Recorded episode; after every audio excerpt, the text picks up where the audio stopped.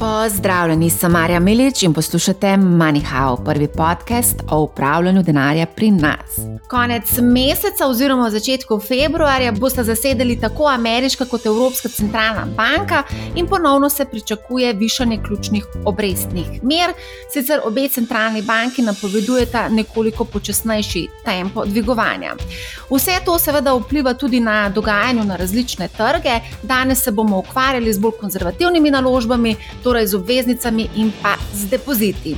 O depozitih se zadnje desetletje pravzaprav niti ni veliko govorilo, mladi pa niti ne vedo, kaj to sploh je. Torej, depozitne obrestne mere rastejo, prav tako tudi zahtevane donosnosti na obveznice, je to lahko priložnost za vlagatelje. O tem se bom pogovarjala s Primožem Cenclom, ki je upravljalec premoženja obvezniškega in denarnega sklada na Generali Investments in smo ga že gostili na Manihau, in z Rokom Makovcem, ki je vodja oddelka trgovanja pri Novi KBM. Pozdravljena. Pozdravljena, Mane. Živijo. Ja. Predlagam, da najprej um, začnemo z osnovami in se vrnimo nazaj v malo šolo vrednostnih papirjev. Marsikdo namreč ne ve, kaj so dožniški vrednostni papirji, niti kaj so depoziti, kar sem omenila v uvodu, saj se o tem praktično zadnje desetletje ni govorilo. Dajmo torej pojasniti res poenostavljeno, kaj so dožniški vrednostni papirji, kako se ta trg deli in katere papirje najbolj pogosto srečamo na tem trgu. Ja, evo, mogoče, če začnemo ravno to, kar smo se pogovarjali prej, prej smo začeli, da obveznice do sedaj niso bile seksi naložba. Ne? Mogoče se je to spremenilo pol leta nazaj ali pa malo več, ko so te obrestne mere kar naenkrat zelo hitro začele naraščati. In so tudi mali vlagatelji videli, da mogoče obveznice niso tako slaba naložba, kot so bile zadnjih deset let. Ja, kaj so sploh obveznice? To je mogoče vprašanje. Na, jaz bi jih najprej razdelil na kratkoročne, pa dolgoročne, mogoče. No. Za hladne menice do enega leta, recimo, eh, ki jih izdaja država, ali pa potem dolgoročne obveznice, vse, kar je naprej od enega leta, pa rečemo lahko do sto let, so tudi izdaje. Par evropskih držav je izdalo tudi stoletno obveznico. Ne.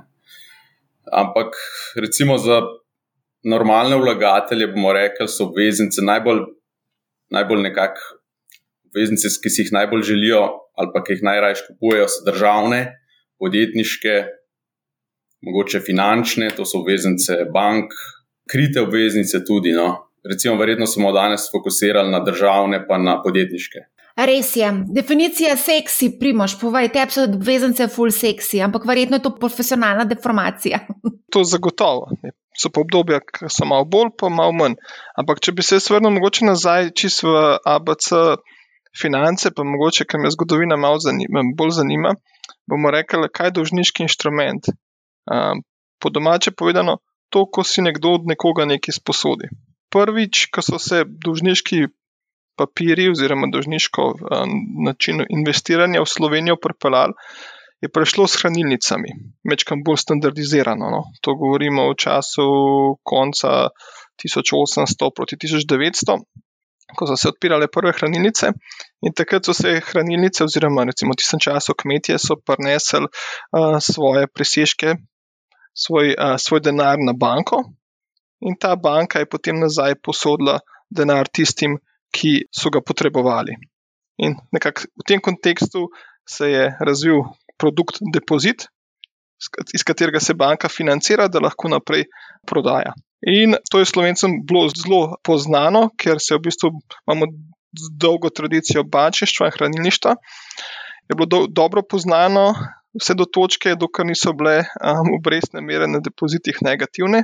In to je praktično zadnjih deset let, in z tega naslova tudi mogoče mlajši investitorji tega tako dobro ne poznajo, kot bomo rekli njihovi starši ali pa še bolj stari starši. Na drugi strani pa govorimo potem v finančnih inštrumentih, dolžniških papirjih, govorimo pa v tem, da ni nujno, da si samo banka sposod denar od svojih vrčevalcev, tako se lahko tudi država sposod od svojih državljanov ali pa na splošno populacije. In pa recimo se lahko tudi podjetja direktno do, od investitorjev sposodijo denar, s tem, da preskočijo banko kot posrednika. Zdaj, zakaj poznamo zakladne menice, zakaj poznamo obveznice? Um, ker se je s časom in z vsemi plusi in minusi, ki so se dogajali na finančnih trgih, uh, so se nekako papiri standardizirali.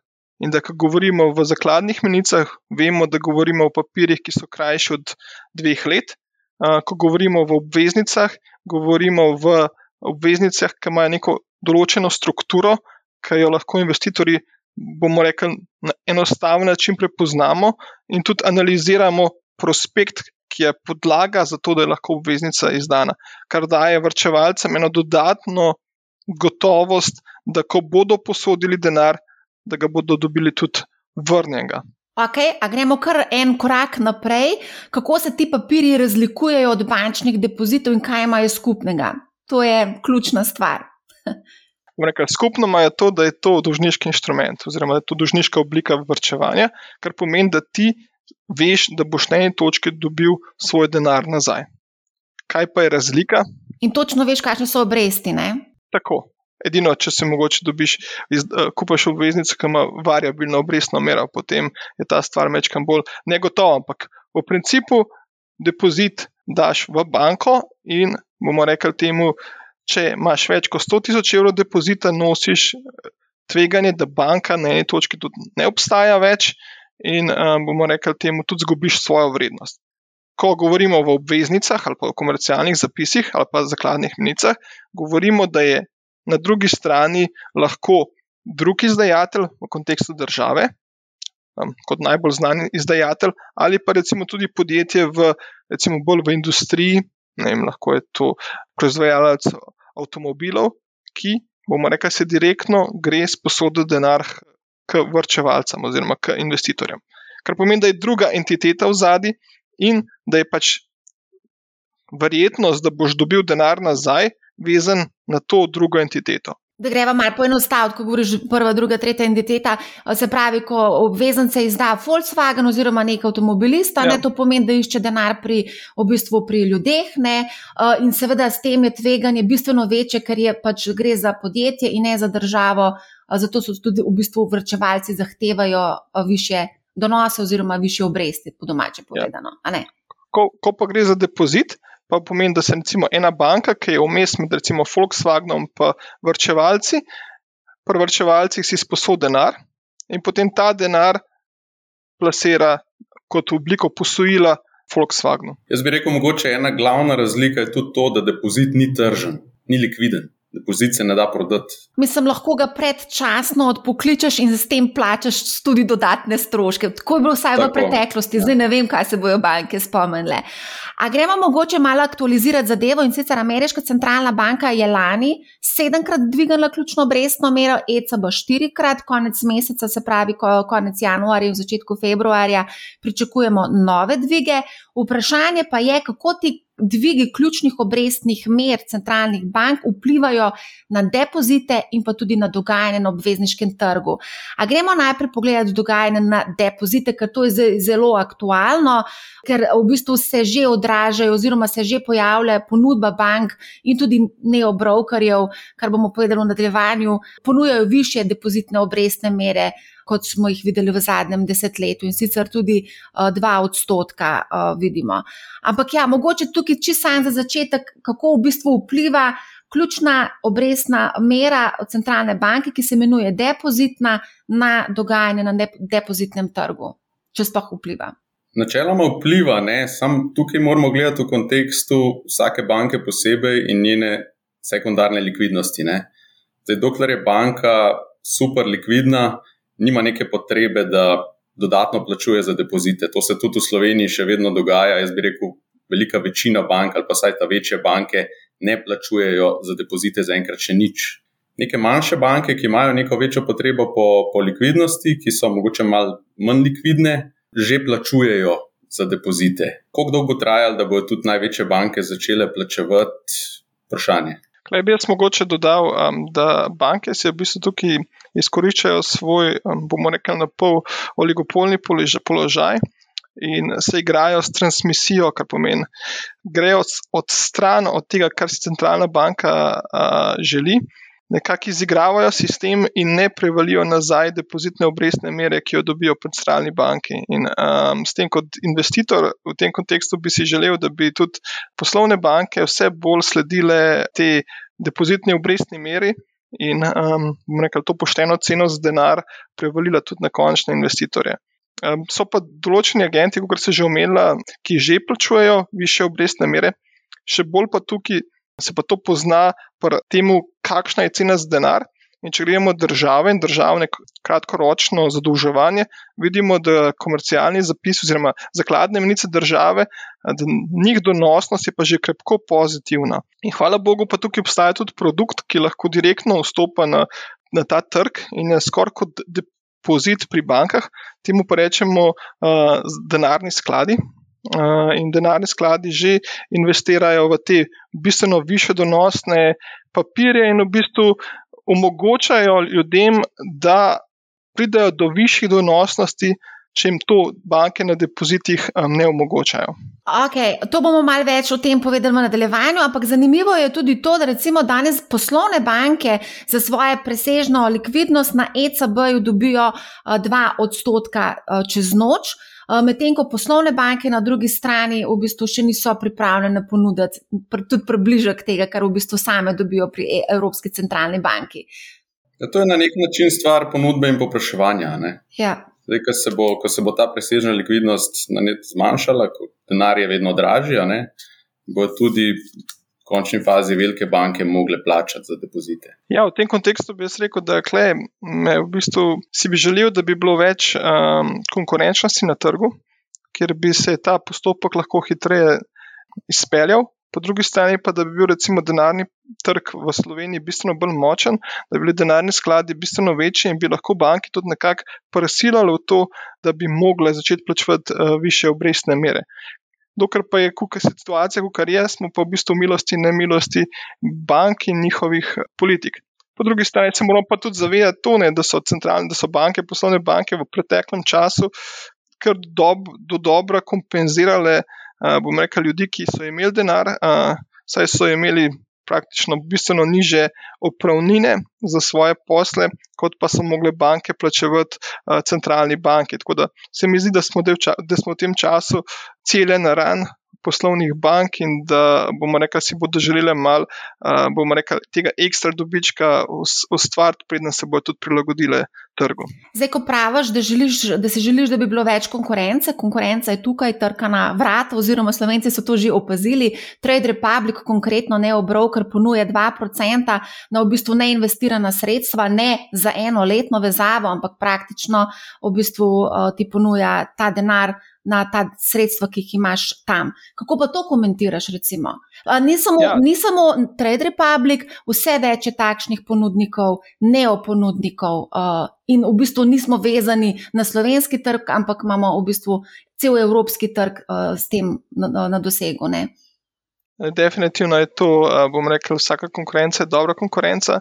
Je pa res, da kaj enkrat govorimo o brokerjih, je tudi v bistvu kreditni profil same um, inštitucije lahko drugačen kot ene velike regulirane entitete, bomo rekli, strani Evropske centralne banke. In uh, bomo rekli temu, ne moramo vsega primerjati uh, oko za oko, ampak uh, bomo rekli, je, si predstavljam, da je takmu poslovnemu modelu um, to bistveno bolj pričakovano, kot pa pri neki inštituciji, ki pač je sistemsko podjetje oziroma sistemska banka v državi. Tako da je tudi vedno vprašanje pri depozitih. Mogoče se lahko vrnemo še v čas, ko so bili v Sloveniji depoziti bistveno, bistveno višji. To govorimo gremo 10 let nazaj, 12 let nazaj, ker so slovenske banke plačevale kar 200, 300, 2 odstotne točke, 3 odstotne točke več kot recimo cel evropski trg, ker so dejansko bile primorane zbirati svoje vire financiranja, ker jih noben drug ni posodil, kot samo domači vrčevalci. In vemo, kako se je to končalo, kak, kak, kak, kakšen je bil to signal, uh, bomo rekli, za celotno industrijo, ki je potem, uh, bomo rekli, se manifestiralo v enormni dokapitalizaciji bank in bančnega sistema. Zdaj pa, ko so banke dobro kapitalizirane, pa seveda nimajo nobenega interesa, da bi za svoje vire plačevali več, kot jim je treba. Se pravi, ta scenarij, da bi nekoč bil spet, spet da bi imeli 5-odstotno depozitno obrestno mero kot leta 2008, je to na mizi, oziroma v neki bližnji prihodnosti, lahko vidimo kaj takega? Jaz tega ne pričakujem. Ne. Mislim, da ne. Prvo kot prvo, um, se mi zdi, da Evropska centralna banka ne bo šla do petih odstotkov, po drugi strani si tudi ne želim, da če bo centralna banka v prnižjih, prnižjih depozitnih obrestnih merah, da bi bile slovenske banke primorane plačevati uh, to dodatno premijo z depozite, ker v bistvu s tem bi lahko spet govorili o sistemski stabilnosti. Ne? In uh, bomo rekli temu, kot davkoplačevalci, ne želim, da bi mogli še enkrat dokapitalizirati banke. A lahko mogoče vsem še prigramo en scenarij in sicer. Zdaj, številni opozarjajo, da v bistvu obrestne mere na bančne depozite so v bistvu nekoliko niže zaradi te jamstvene scheme, mi imamo do 100 tisočakov garantirana sredstva. Ampak, če pogledamo obveznice Republike Slovenije, lahko ugotovimo, da v bistvu so dvo- in triletne državne obveznice prinašajo okrog 2%, medtem ko donosnost petletne obveznice pa 2,6%. Zakaj bi nekdo sploh še sklepal depozite na presežno sredstvo, če mu banka v bistvu nič ne ponudi, oziroma je nula tam, država pa dva odstotka ali več? Sej, mogoče ravno to sem želel izpostaviti kot alternativo tem ničelnim obrestim, obrestnim meram na depozite. Um, ta teden smo imeli zadnjo aukcijo zakladnih menic uh, Republike Slovenije, to so bile tro 6 in 12 mesečne menice. Obrestne mere so bile med 2,2 in 2,75 odstotka. Se pravi, država plačuje 2,2 za tri mesece, 2,65 za pol leta in 2,75 za eno leto. To so inštrumenti, ki načeloma so dosegljivi tudi malim ulagateljem preko borznih družb. Ali lahko mogoče opišeš ta postopek, kako lahko kupimo zakladno menico? Kako lahko recimo jaz kupim zakladno menico, koliko denarja za to potrebujem? Minimalna količina je 1000 evrov in potem vse naprej, tako da je dosegljiva tudi malim vlagateljem. Načeloma moraš iti do borznega posrednika, ki, je, um, ki ima z državo pogodbo o primarnem opisništvu za opis zakladnih menic. To so v Sloveniji NLB, NKBM, SKB banka, pa Unicredit. Mislim, da pri njih v bistvu je možno kupiti zadevo tudi na primarnem trgu, ne? to se pravi ob izdaji. Uh, kar se tiče sekundarnega trga, je za malo vlagatelje zaenkrat zadeva še zelo težko dosegljiva, ampak bom rekel, delamo na tem, da bi se tudi to spremenilo. No? No, v, tem, v, v tem kontekstu bi pa jaz sam dodal, ne, da za malega vlagatelja, ne, če bi si želel razdeliti, eh, bomo rekli, tveganje med eh, samo eno državo, ampak v bistvu si želi investirati v evropski trg uh, zakladnih menic, pa tu obstajajo pač denarni skladi, o katerih sem že prej govoril, ki ti omogočajo. Nekaj dnevno likvidnost, hkrati pa zdaj, ko pač banke niso tako zanimive, um, omogoča zelo pocen dostop um, do uh, tega trga, plus uh, upravljalska provizija na letni ravni je zanemrljiva, samo recimo, če omenim za generali MM, je ta 10 bačnih točk, ni pa neustopne, neizstopne provizije. Kaj pa če recimo kupaš direktno preko brokerja, kakšni so pa tukaj stroški? To je pa odvisno, kakšno imaš pogodbo z brokerjem. Kar sem jaz videl za te osebne, osebno trgovanje, načeloma brokerji smatrajo obveznice kot kjerkoli drug finančni inštrument in so provizije kar visoke. No. Ja, zdaj, če ti dobivaš tam 2 do 2,75, je potem zelo pomembno, kakšen je strošek nakupa. Ja, vsak cent je tukaj pomemben. Ja. Tudi odvisno od količine. Ne? Sej to je pa tisto, da se da z borznim posrednikom se da mogoče tudi pogovarjati okoli cene, ko je enkrat mal večja količina, to naj ne bi bil problem. No. Je pa res to, kar pravi Primož, da za manjše zneske sigurno igra provizija veliko vlogo. Ne. Začelo sem, da mečkam osvetlim zadevo. Ne. Minimalni tiket na obvezniškem trgu ali pa na trgu komercialnih zapisov, kjer bomo rekli, da se lahko začnemo pogovarjati z um, sprotno stranko, je ta milijon. Ne. Zdaj za zakladne menice večjih držav govorimo o 10, 20, 25, 50 milijonih. Kar je seveda za institucionalne vlagatelje super. Uh, bomo rekli, da ni treba drobiti poslov, pa lahko brez kakršnega koli posega na trg prideš tako do papirjev, kot pa da jih prodaš. Za kakšnega manjšega vlagatelja pa to, so pa to zneski taki, ki nam, nam niso niti predstavljivi. Rok je eno vprašanje. Zakaj država ne ponudi možnost neposrednega vrčevanja malim uh, vlagateljem tudi za v bistvu manjše zneske. Na kakšen način misliš? Se ponudi ravno s tem, da so recimo, te zakladne menice dosegljive tudi malim vlagateljem. A so tudi državne obveznice dosegljive malim vlagateljem? Tudi. Tudi na isti način. Na isti način, se pravi, greš do brokerja. Od 1000 evrov naprej, tako. Aha, okay. Se pravi, pomembno je tukaj samo to, da smo pozorni na strošek eh, nakupa in vse druge stroške, ki so tako. povezani s tem. Povej, tako, vse, druge, vse stroške, ki so povezani z izvršitvijo te transakcije. Ne?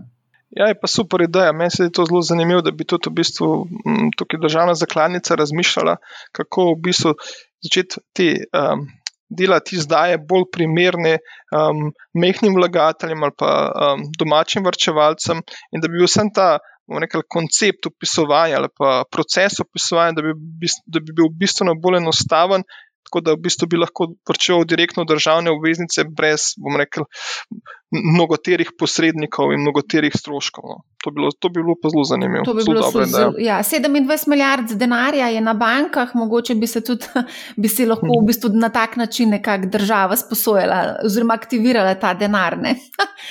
Okay. Jaz bi tukaj mogoče sam izpostavil, kar se tiče. Je, je zanimiva ideja to, kar omenjate, ampak bolj pereč problem za me je trenutna dohodninska zakonodaja, ki vse te obresti obdavčuje. Ne? Se pravi, niso izuzete tako kot pri depozitu do 1000 evrov, ampak jih obdavčuje, se pravi, karkoli zaslužite eh, s kuponom na obveznici ali pa tudi na zakladni menici ki je brezkuponska, ste obdavčeni 25%, ne? kot fizična oseba. To je pa zelo velik minus, glede na to, da tudi spet ti donosi niso tako visoki. Pa, a, okay, a gremo kar naprej na donosnosti do dospetja. Kaj to je in kdaj je enaka kot obrestna mera obveznice oziroma menice? Okay, gremo najprej razložiti, kaj je sploh donosnost do dospetja.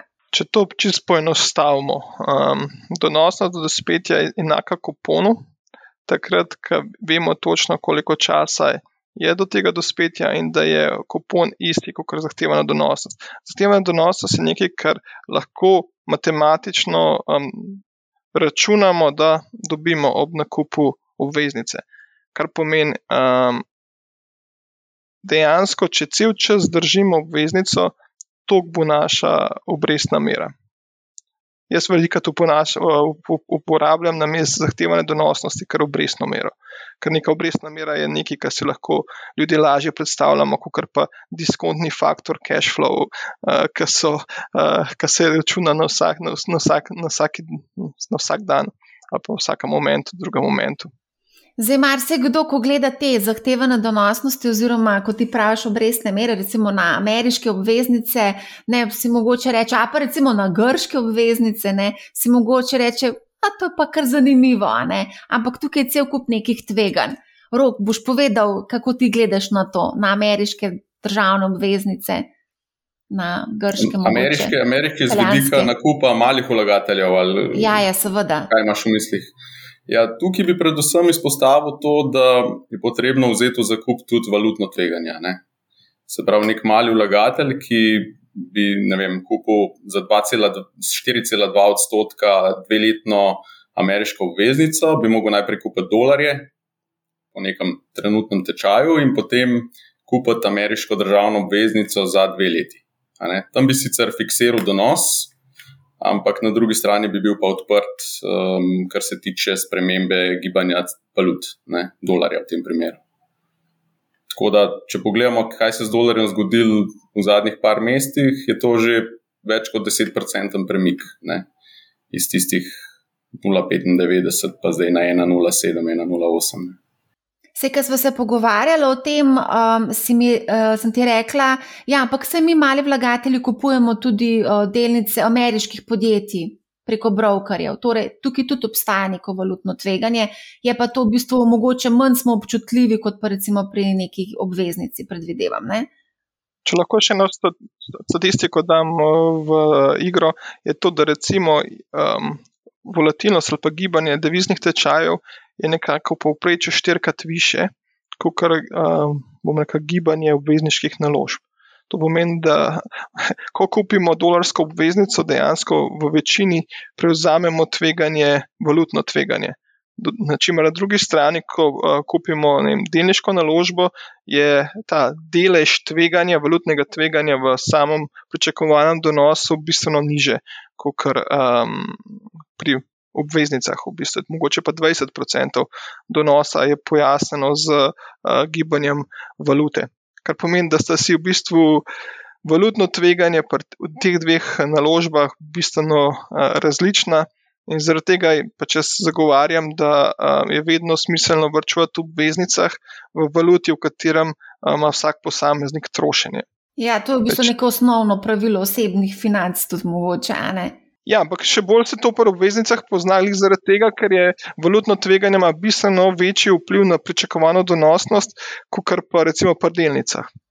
Zdaj pa eno drugo vprašanje. Mar se kdo reče, se reče, ko vidi italijanske ali pa grške zahtevane donosnosti, ki so tam 4-4 plus ne, procentov na letni ravni, pa se reče, mogoče bi bilo pa to zanimivo. Ali pa recimo konec koncev, ko je izdala NLB v svojo obveznico korporativno, je bila potem 11 odstotna obrestna uh, mera letna. Uh, to bi marsikdo lahko koga zavedel in rekel, to se mogoče celo splača investirati v eno tako zgodbo.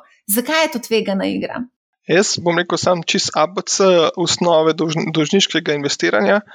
Uh, ko gledam jaz obveznice ali pa kjerkoli dolg, lahko rečemo svojemu sosedu, če posodimo denar, imamo vedno dve kategoriji, ki jih je dobro premisliti. Prva je ta um, zmožnost po odplačevanju, to pomeni, da naš sosed um, dovolj veliko plačo, da nam bo lahko vrnil 100 evrov naslednji mesec. Uh, ta druga stvar, ki je pač pomembna, uh, je pa, a nam želi vrniti denar. In um, bom rekel, če mi vemo, da ima dovolj do, veliko plačo, da nam lahko naslednji mesec vrne teh 100 evrov, ki se sposodo od nas, pa da ima željo potem, da, da ohrani dobro sosedske odnose in da nam bo pač želel tudi teh 100 evrov prnesti naslednji mesec, potem rečemo, ok, super, se zmenimo za obrestno mero in svet je lep. Um, bom rekel, ko gremo pa na te večje izdajatelje ali pa um, bomo rekli um, tudi države, ne, pa lahko vidimo, da ene države imajo dolg v BDP-ju ne, 30%, druge imajo pa 130%. In zdaj zmožnost tiste države, ki ima 30% eh, dolga v BDP-ju, je, da bo odplačala, poplačala svoje obveznosti, bistveno večja kot tiste, ki ima 140%. Zdaj, kar se tiče držav, kar se tiče recimo bank, ne, lahko. Se spomnimo situacije pred desetimi leti, kjer smo ugotovili, da določene banke bom rekel, se njihov poslovni model ni išel in so se zatekli k državni pomoči. Da države so rekle, ok, mi vam bomo dali kapital, da bo se lahko še naprej eh, živel, ampak v zameno boste mogli pa. Bojo mogli pa tudi investitorji nekaj uh, tega prenesti na svoja pleča. In smo videli takrat odpis neke vrste kapitala in podrejenih obveznic. In uh, bomo rekli, ko govorimo o NLB in njihovih 11%, to sam pomeni, da so te obveznice v primeru, da bi se s to banko spet kaj zapletalo v prihodnosti, tiste, ki bi nosile svoj del odgovornosti za delovanje bank. Kar z drugimi besedami pomeni, da v primeru nove dokapitalizacije te banke bi ti investitorji v te obveznice bili razvrednoteni. Iz tega naslova investitorji v današnjem trenutku ocenjujejo to tveganje kot 11 odstotkov letno.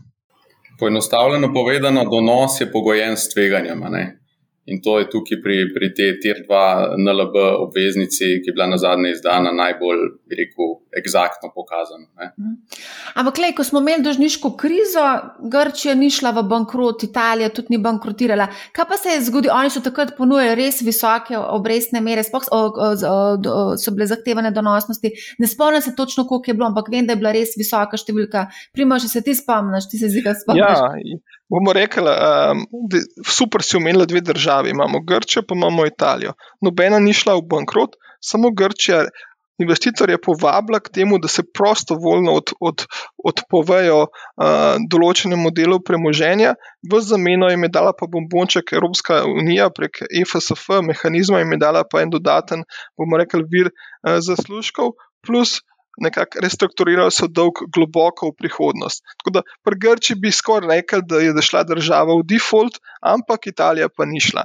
In na vrhu so bile te obveznice, zahtevane donosnosti pri Grči, uh, so prišle do te točke, da so bile že eh, blizu 100 odstotkov ali še več, kar pomeni, da so pač praktično.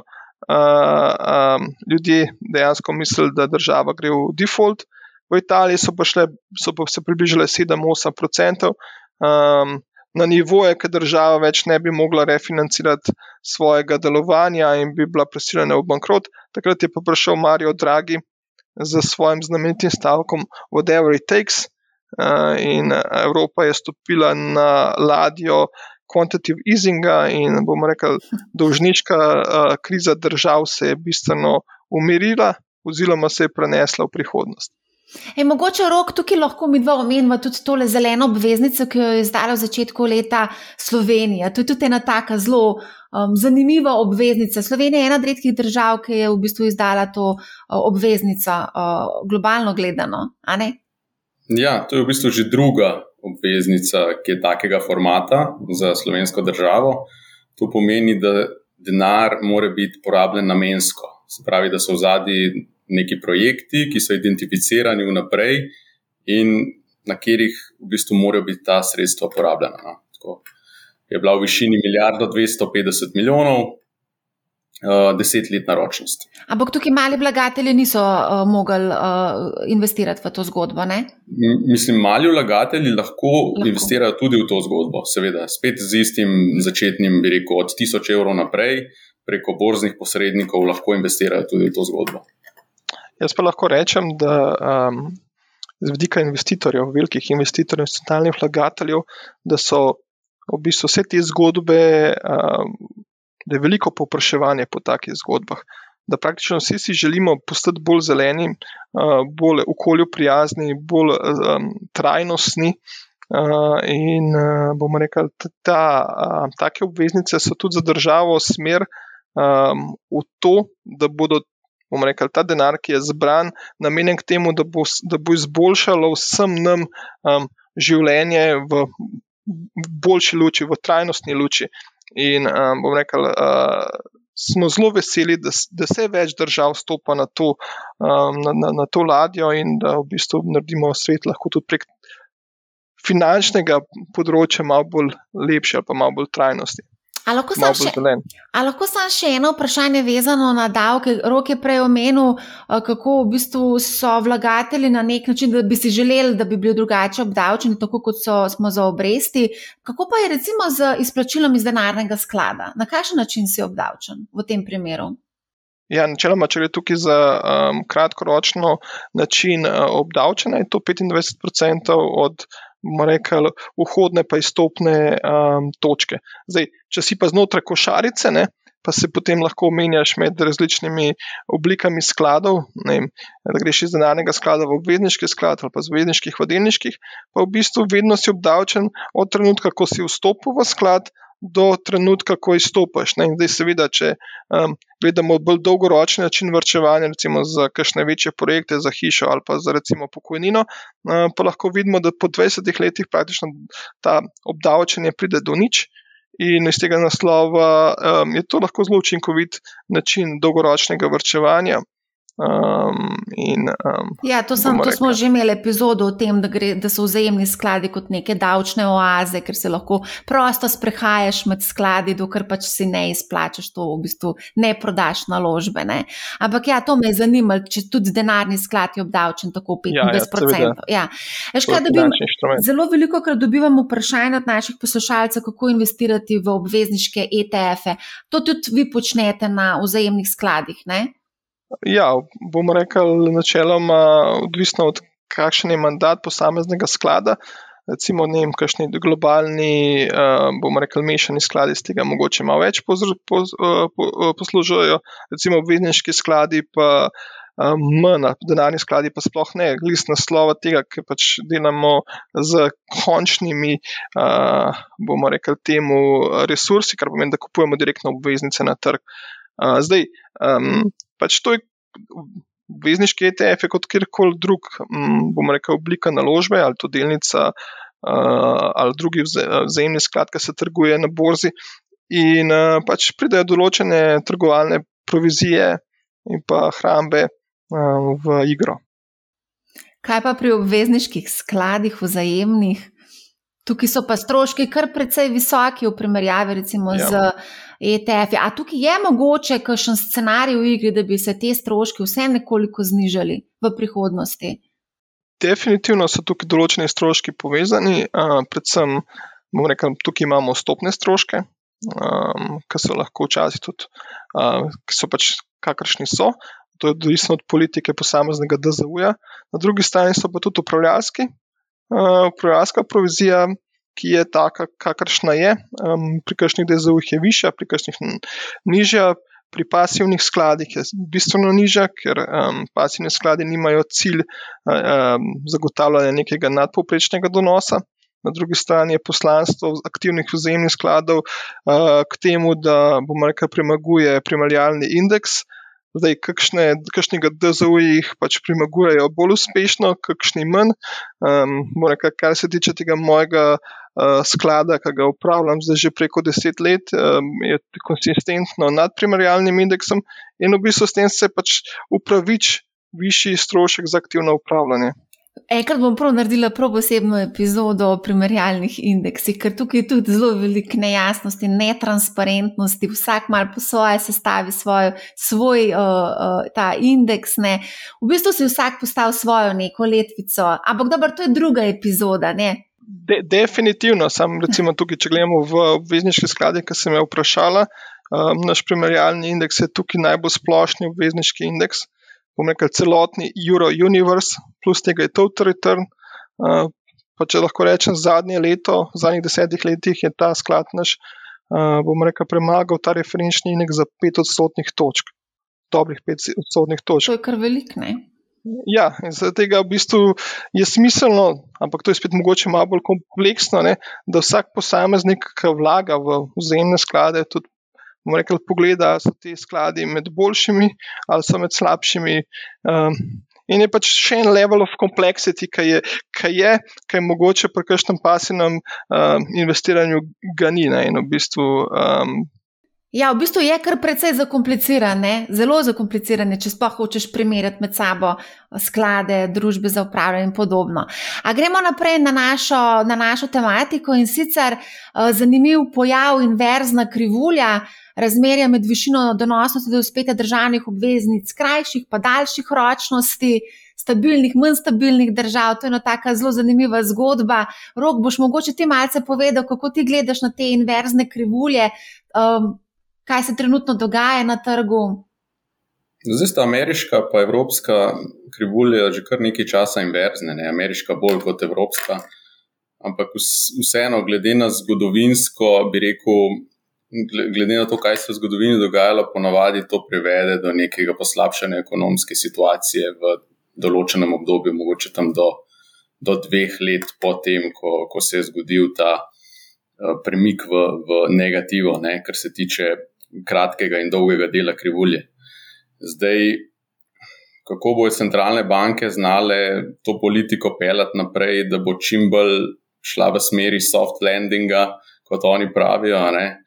to bomo videli v, v nadaljevanju. Ampak um, bo zanimivo, sigurno, leto 2023, mislim, da bo zelo zanimivo na, na splošno na finančnih trgih, pa tudi na obvezniških še bolj. No kaj bi jaz dodal, lahko še to, da v bistvu inverzna. Zakaj pomeni, zakaj je kratkoročna obrestna mera više kot dolgoročna? Je rok je rekel, um, da pač trg pričakuje, oziroma da bodo obrestne mere v prihodnosti niže, kot so danes. In zaradi tega smo se pripravljeni pogoditi za nižjo obrestno mero deset, za, za desetletno obveznico. Zdaj, a, bo, a to de facto napoveduje, da se bo to zgodilo? Mm, zelo težko, ne? ker v bistvu trg vsak dan na novo uh, anticipira vse informacije in ugradi to v cene. Um, v tem trenutku to napoveduje, um, da se bo to zgodilo, moramo pa vedeti, da je pred nami leto, ki bo super pestro. Um, pa bi dva, dve točke izpostavil. Prvo je to, da uh, bomo rekli, ključna obrestna mera se bo še zelo verjetno, da se bo dvigala še naprej. Zakaj? Zato, ker se v Evropi, recimo, inflacija ohlaja počasneje kot v Ameriki, in bomo rekli, še nekaj časa se bo spoh ta kor inflacija, tista, ki je, ki centralno banko najbolj zanima, se bo še nekaj časa dvigala. In z tega naslova bo centralna banka primorana dvigovati obrestne mere. Trenutno se trg pričakuje, da bo terminalna obrestna mera, to pomeni vrh obrestne mere, da bo dosegel na 3,5%. Zdaj, um, moje osebno mnenje je, da bo, če bo, bo mogla centralna banka je caj na 4, uh, preden se bo nekako ustavila uh, v tem trenutnem ciklu dvigovanja obrestnih mer. Na drugi strani, in to bo pač nekaj, kar bo definiral ta kratek konc, uh, um, bistvu kratkoročno uh, vrčevanje v depozite ali pa v um, zakladne menice. Na drugi strani imamo pa en fenomen, ko se je centralna banka odločila, da bo nehala stimulirati, nehala kupovati obveznice na sekundarnem trgu. To je ten quantitative easing, za tiste, ki poznajo ta pojem, in da gremo iz tega koncepta quantitative easinga v quantitative tightening, kar pomeni, da bodo določenem, na določeni točki mogoče tudi prodajati obveznice iz, iz svojih računov. Uh, zdaj, ocena je, da bo mogle države v letošnjem letu dodatno poiskati na trgu 850 milijard evrov, kar je tak znesek, da uh, bomo rekli, bo lahko imel vpliv tudi na dolgoročne obrestne mere, ker um, bomo rekli temu na, končne, na koncu, uh, kakšna je desetletna slovenska obveznica bomo rekli, definira predvsem ponudba in povpraševanje. Zdaj, če bo ponudbe veliko, potem da se bo država zadolžila, oziroma da se bodo države zadolžile, povpraševanje pa bolj ali manj omejeno, lahko pričakujemo tudi določene pritiske na kratkem delu, na, na dolgem delu krivulje.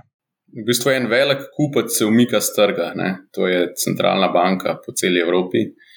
Tako da to, to je kar sprememba, glede na vsa zadnja leta, ki trg v bistvu vedno vedel, da nekdo stoji v zadnji in je ta centralna banka, recimo, pokupila ene tretjine do polovice vseh izdaj državnih obveznic v posamezni državi Evropske monetarne unije. Ne. Tako da to je sigurno. Velik korak k neki normalizaciji, je pa vprašanje, kako bo trg to akceptiral, pa kakšna nihanja zaradi tega lahko pričakujemo. Ne? Ampak tukaj prehajamo po tisto, bom rekel, zakaj postajajo obveznice spet seksi. Um, ker bomo rekli, dokler nimamo nobenega donosa, pa v bistvu vsa inflacija, ki se dogaja, um, pade na naša pleča, zakaj bi investirali v nek tak um, papir, ne? razen če moramo. Zdaj pa, ko je rok izpostavil pojem normalizacijo ne, in bojo v bistvu obveznice nudile donosnost, ki bo tako pokrila inflacijo, kot zagotavljala še nekaj realnega donosa. Pa za vsakega, ki pač um, bomo rekli, ne mara oziroma ne prebavlja uh, tveganja, je to odlična naložba za uh, nekaj, kar lahko potem tudi splanira. Ker recimo, da predstavljamo se, da imamo milijon evrov in si želimo bomo rekli, na, let, na, na mesec, recimo, da gremo v penzijo in zapraviti 2000 evrov. Uh, iz tega milijona lahko ga damo v delniške naložbe, pa bomo lahko imeli milijon pa pol, ali pa bomo imeli pol milijona. Pa bomo lahko super zadovoljni, pa bomo lahko šli še dodatno na potovanje ali pa nov avto kupili. Ali pa bomo želovali za izgubljenim pol milijona. Če pa bomo rekli, da nam omogoča obveznica, da dobimo več kot 2000 evrov, um, dono, uh, denarja na mesec, s tem, da glavnico dobimo čez 2, 3, 5 let vrnjeno nazaj, bomo rekli, pa lahko bistveno bolj mirno spimo, pa bistveno lažje splaniramo svoje življenje v prihodnosti. In za marsikoga je to seksi. Um, če nadaljujem s to tvojo tezo, seksi, menda celo, da je, so postale v bistvu obveznice bolj seksi kot rezidenčne nepremičnine. Kaj se vi o tem mislite? Jaz bi verjel, Zato, ker trg nepremičnin je rastel kar, kar nekaj let in je dosegel neke, mogoče za, na nek način nepredstavljive nivoje. Tako da s tem podraženjem um, denarja, sigurno pač je priliv na, na trg nepremičnin manjši. Jaz definitivno se strinjam s tem. Uh, še dodatno, jaz bistveno lažje, la, rajši zapravljam denar, kot pa lovim uh, ljudi za to, da mi plačajo najemnine, pa da mi lovim delavce, da mi ob, obnavljajo stanovanje za primerljiv donos, ki ga lahko dobim iz najemnin ali pa iz obveznic.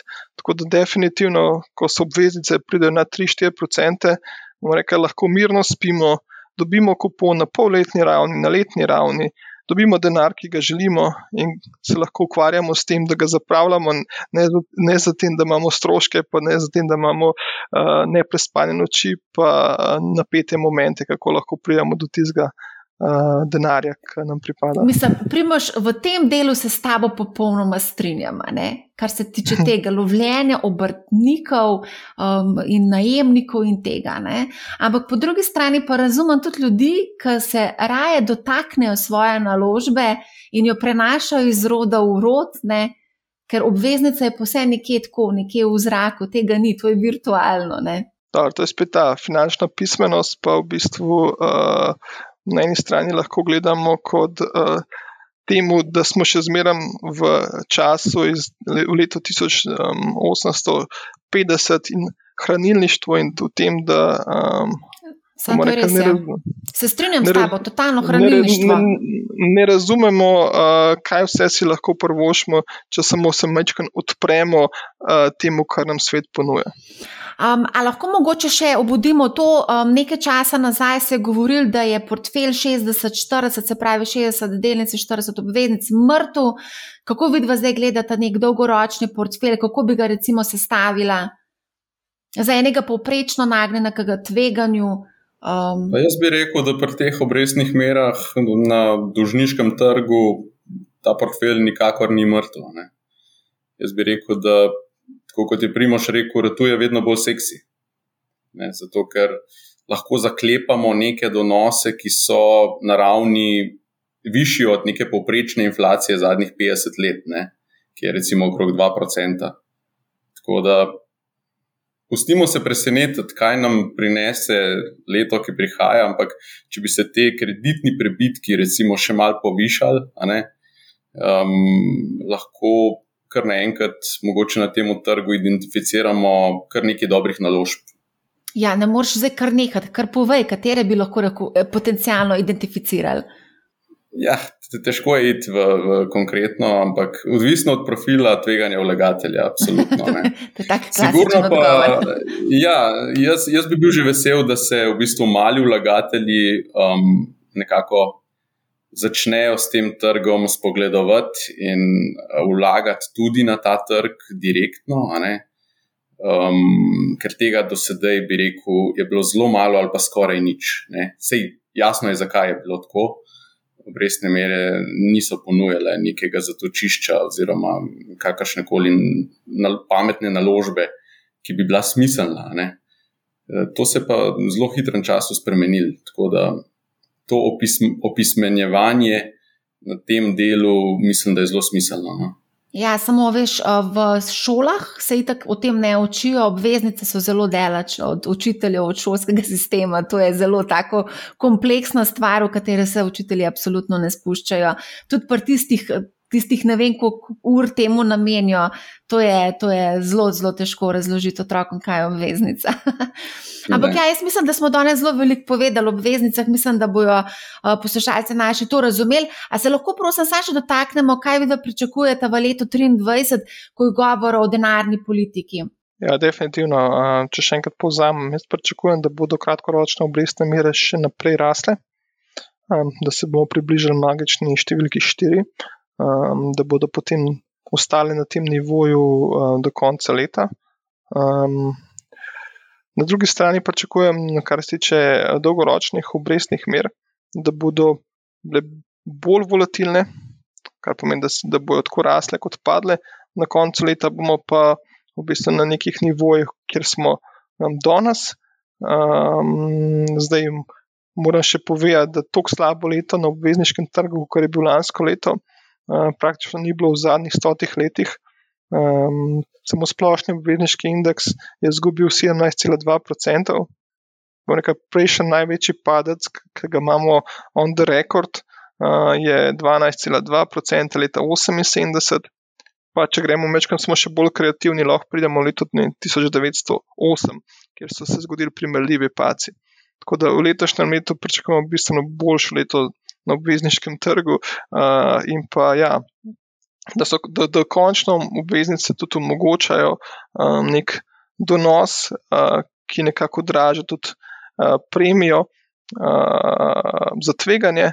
In rekel, kar sem imel v enem zadnjem tem svojem toku, mi je bilo zelo všeč, uh, ker je rekel uh, en starosta investitor, ne, da se trg pač zbuja iz neke halucinacijskega desetletja in da se bo spet donos pa tveganje uh, spet um, pošteno vrednotilo.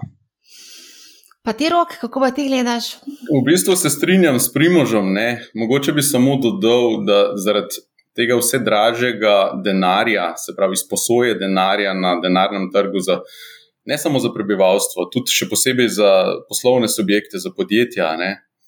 Tukaj v bistvu jaz pričakujem, da se bojo kreditni pribitki še povečali, razširili, um, da se bo temu primerno spremenil, bi rekel, tveganje, ki ga določeni izdajatelji nosijo zaradi vse dražjega zadolževanja, in to je lahko tudi neka pomembna točka, mogoče v, v prihodnem obdobju, no, na katero je treba biti pozoren.